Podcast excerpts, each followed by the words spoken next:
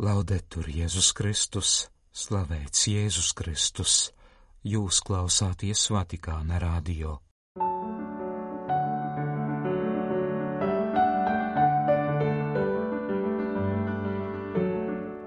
Esiet sveicināti, dārgie klausītāji! Slimie, vājie un nabagi ir baznīcas sirds, pāvesta vēstījums pasaules slimnieku dienā. Mēs esam grēcinieki, bet varam cerēt uz Dieva lielo žēlsirdību. Parastā liturgiskā laika sestās svētdienas evangēlija fragmentu par spitālīgā izdziedināšanu komentē tēvs Oskars Jablonskis. Māsa Sandra Krupenko turpina pārdomas par iekšējo dziedināšanu. 11. februāra raidījumu noklausīties aicina Jānis Severtovskis.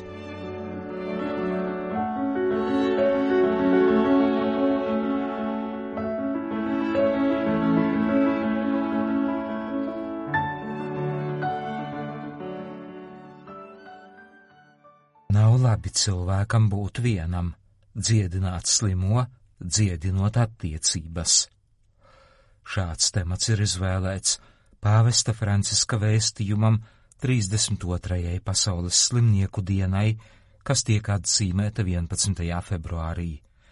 Parūpēsimies par tiem, kuri cieši un ir vieni, mudina svētais tēvs. Viņš runā par slimajiem, vājajiem, trūkumcietējiem un atstumtajiem. Pavists atzīst, ka pat valstīs, kurās valda miers un ir vairāk resursu, vecumdienas un slimība nereti tiek izdzīvota vientulībā un pat pamestībā. Šī skumjā realitāte ir galvenokārt individualisma kultūras sekas, kas par katru cenu cildina veiktspēju un kultivē mītu par efektivitāti un kļūst vienaldzīga un pat nežēlīga, ka cilvēkiem vairs nav spēka turēties līdzi. Tā kļūst par atmešanas kultūru, kurā cilvēki vairs netiek uzskatīti par primāro vērtību, kas jāciena un jāizsargā. Īpaši, ja runa ir par vajākām personām, cilvēkiem ar īpašām vajadzībām, vēl nedzimušiem bērniem un veciem ļaudīm. Diemžēl šī loģika caurvī arī atsevišķas politiskās izvēles, kurās cilvēka cieņa un viņa vajadzības netiek izvirzītas centrā un nevienmēr tiek atbalstītas stratēģijas un resursi, kas nepieciešami, lai ikvienam cilvēkam garantētu pamat tiesības uz veselību un aprūpes pieejamību. Tajā pašā laikā samazinot aprūpi tikai līdz veselības aprūpes pakalpojumiem, kurus saprātīgi nepapildina tā sauktā terapeitiskā alianse starp ārstu, pacientu un ģimenes locekli, tiek veicināta arī vāju cilvēku pamešana un viņu vientulība. Tāpēc vēstījuma turpinājumā pāvests aicina ieklausīties Bībeles vārdos. Nav labi cilvēkam būt vienam. Dievs tos izsaka pašā radīšanas sākumā un tādējādi atklāja mums sava plāna attiecībā uz cilvēci dziļo jēgu, bet tajā pašā laikā arī grēkanāvīgo brūci, kas iezogas mūsos izraisot aizdomas, šķelšanās un līdz ar to izolāciju. Greks skar visas cilvēka attiecības ar Dievu, ar sevi, ar citiem, ar radību. Šāda izolācija liek mums zaudēt jēgu, laupa mīlestības prieku un liek mums piedzīvot nomācošu vientulības sajūtu visos dzīves izšķirošajos posmos. Franciskas uzsver, ka pirmā aprūpe, kas mums nepieciešama slimības laikā, ir līdzjūtības un maiguma pilnā tuvība. Tādēļ rūpēties par slimu cilvēku vispirms nozīmē rūpēties par viņa attiecībām, visām viņa attiecībām, ar Dievu, ar citiem, ģimeni draugiem, veselības aprūpes darbiniekiem, ar radību, ar sevi pašu. Vai tas ir iespējams, viņš jautā? Jā, tas ir iespējams, un mēs visi esam aicināti apņemties to īstenot. Mēs esam ieradušies šajā pasaulē tāpēc, ka kāds mūs pieņēma. Mēs esam radīti mīlestībai un aicināti uz vienotību un brālību. Tā ir mūsu dzīves centrālā patiesība, un mēs esam aicināti to atcerēties, atgādina pāvests.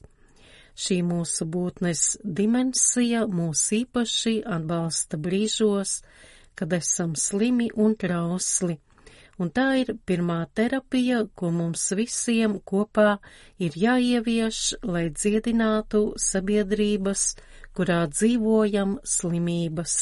Franciskas aicina slimniekus nekaunēties no savām ilgām pēctuvības un maiguma. Kristiešus viņš aicina censties, lai viņu skatiens būtu līdzjūtīgs, kā Jēzus skatiens, un parūpēties par tiem, kuri cieš un ir vieni, par tiem, kuri ir atstumti. Vēstījumā 32. pasaules slimnieku dienai noslēgumā Pavests raksta, ka slimie, vājie un nabagie ir baznīcas sirds, un tiem jābūt arī mūsu cilvēciskās uzmanības un pastorālo rūpju centrā. Viņš mudina to neaizmirst un uzticēt sevi visvētākajai jaunavai Marijai, slimnieku veselībai, lai viņa aizlūgtu par mums, un palīdzētu mums būt tuvības un brālīgu attiecību meistariem.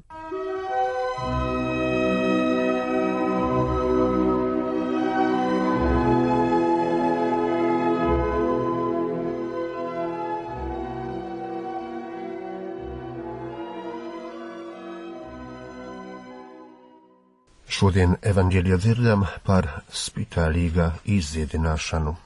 Daudzi baznīcas tēvi komentēja šo fragmentu un arī divus līdzīgus, kas atrodas Mateja un Lukas evaņģēlijos. Šodien varam vairāk paskatīties, kā mums šo fragmentu skaidro svetais Ambrozijs, kas bija, atgādinu, sava veida bitīte, kas no daudziem citiem baznīcas tēviem ņēma viskaut kādus vislabākus fragmentus un tos ietina savā komentārā.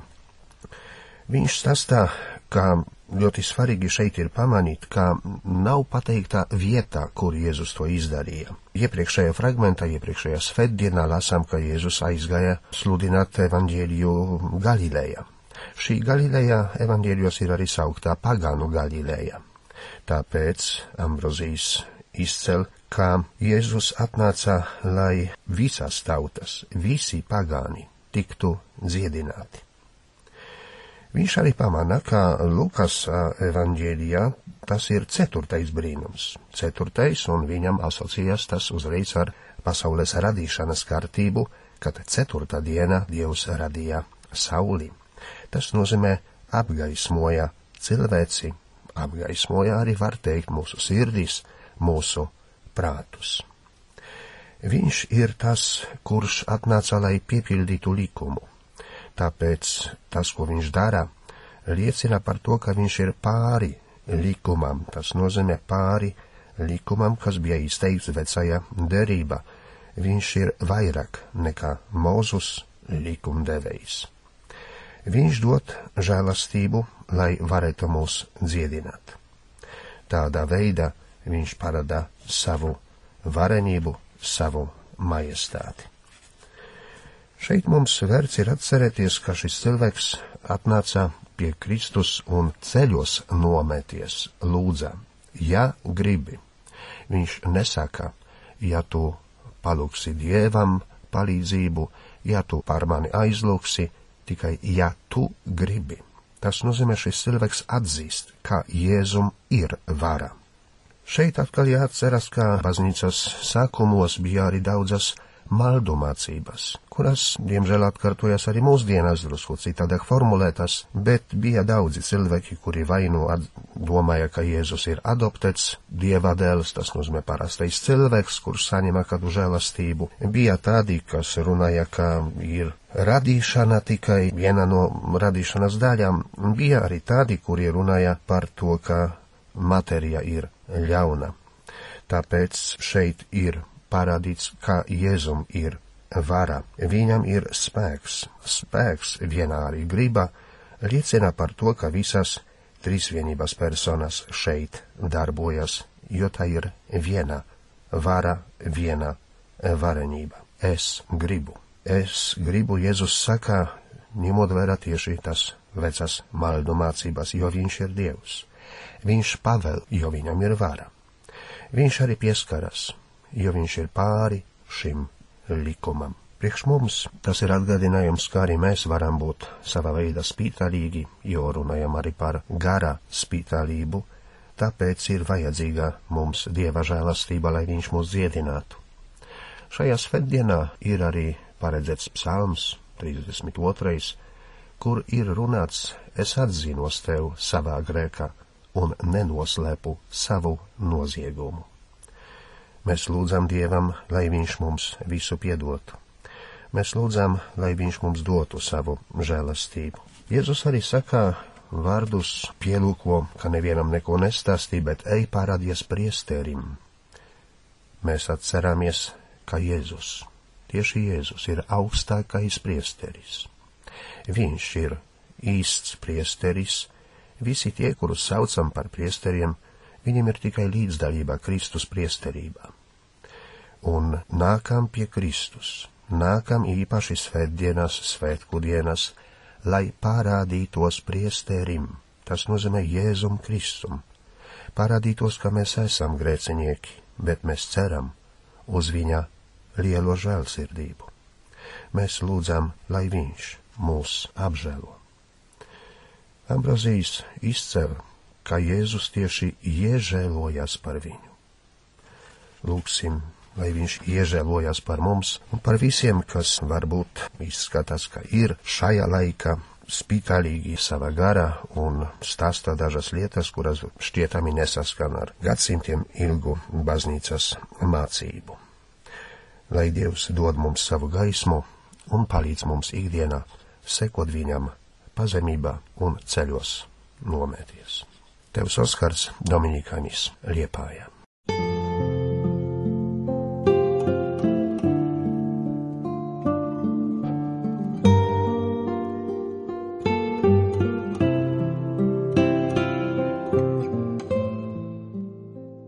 Dārgie Vatikāna radio klausītāji, aicinu turpināt ieklausīties pārdomās par iekšējo dziedināšanu.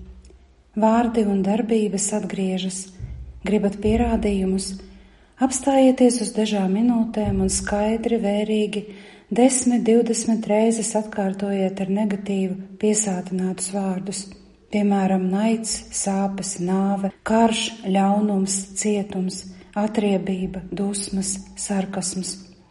Izsakiet lēni, kamēr izteikto vārdu briesmīgais saturs ieurpsies prātā to pārņems kā rūkts ūdens.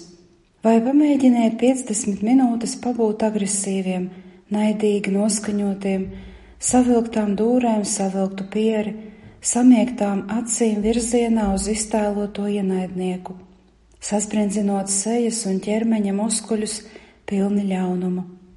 Ieklausieties, kas notiek jūsos, pavērojiet, kā vārdi un nostāja, neatkarīgi no jūsu gribas aug pateicoties jūsu iznīcinošajai balsī, kas aptver visu prātu un dvēseli, atstājot visā būtībā izplūdušo ļaunuma sajūtu, ļaunuma indi, it kā tie vārdi un uzbrukošie žesti būtu ienākuši no ārpuses un uz jums iedarbojušies.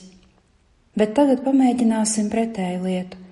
Izteiksim mierīgi sakoncentrējušies vārdus ar pozitīvu nozīmi, teiksim lēnām, it kā izgaršojot, starp vienu un otru vārdu ieliksim pauzes, pagaidīsim, ļausim, lai tie paveiktu mūsos savu darbu, Drīz vien ieraudzīsim to iedarbību, kā piemērs, lai ir saraksts ar vārdiem, kurus psihiatrs un psihologs, psihoterapijas skolas nosauktas par psihosintēzi dibinātājs Roberto Asadžolī, kurš dzīvoja no 1888.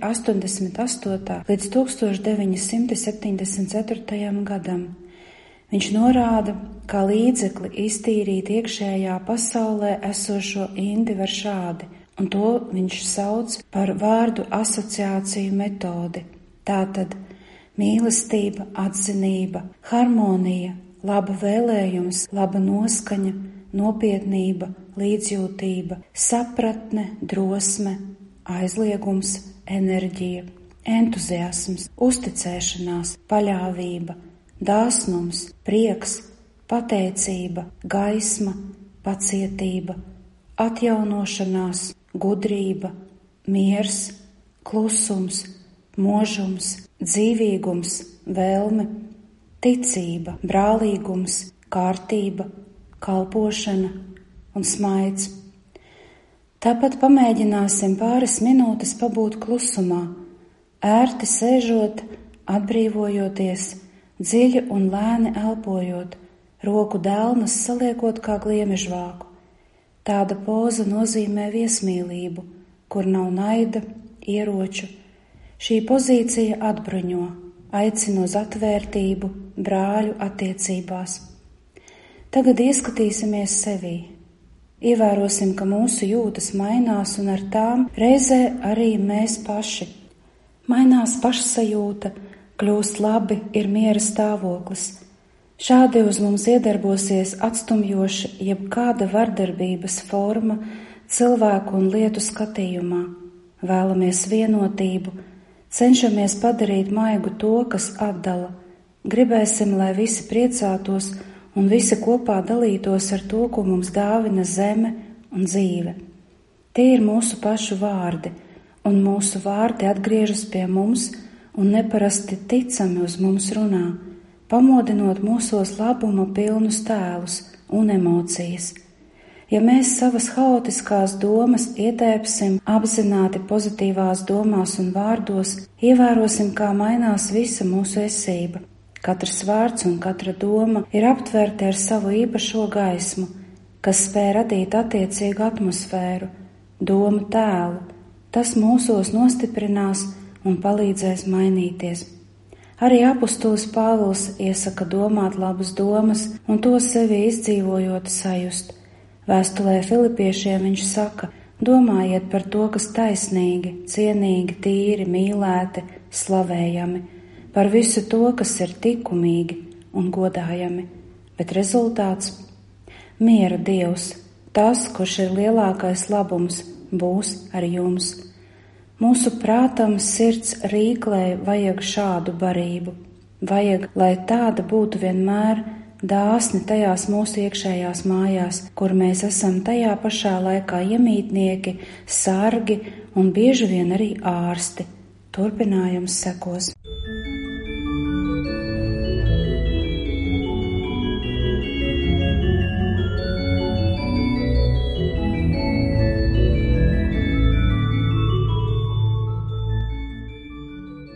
Vatikāna radio raidījums ir izskanējis.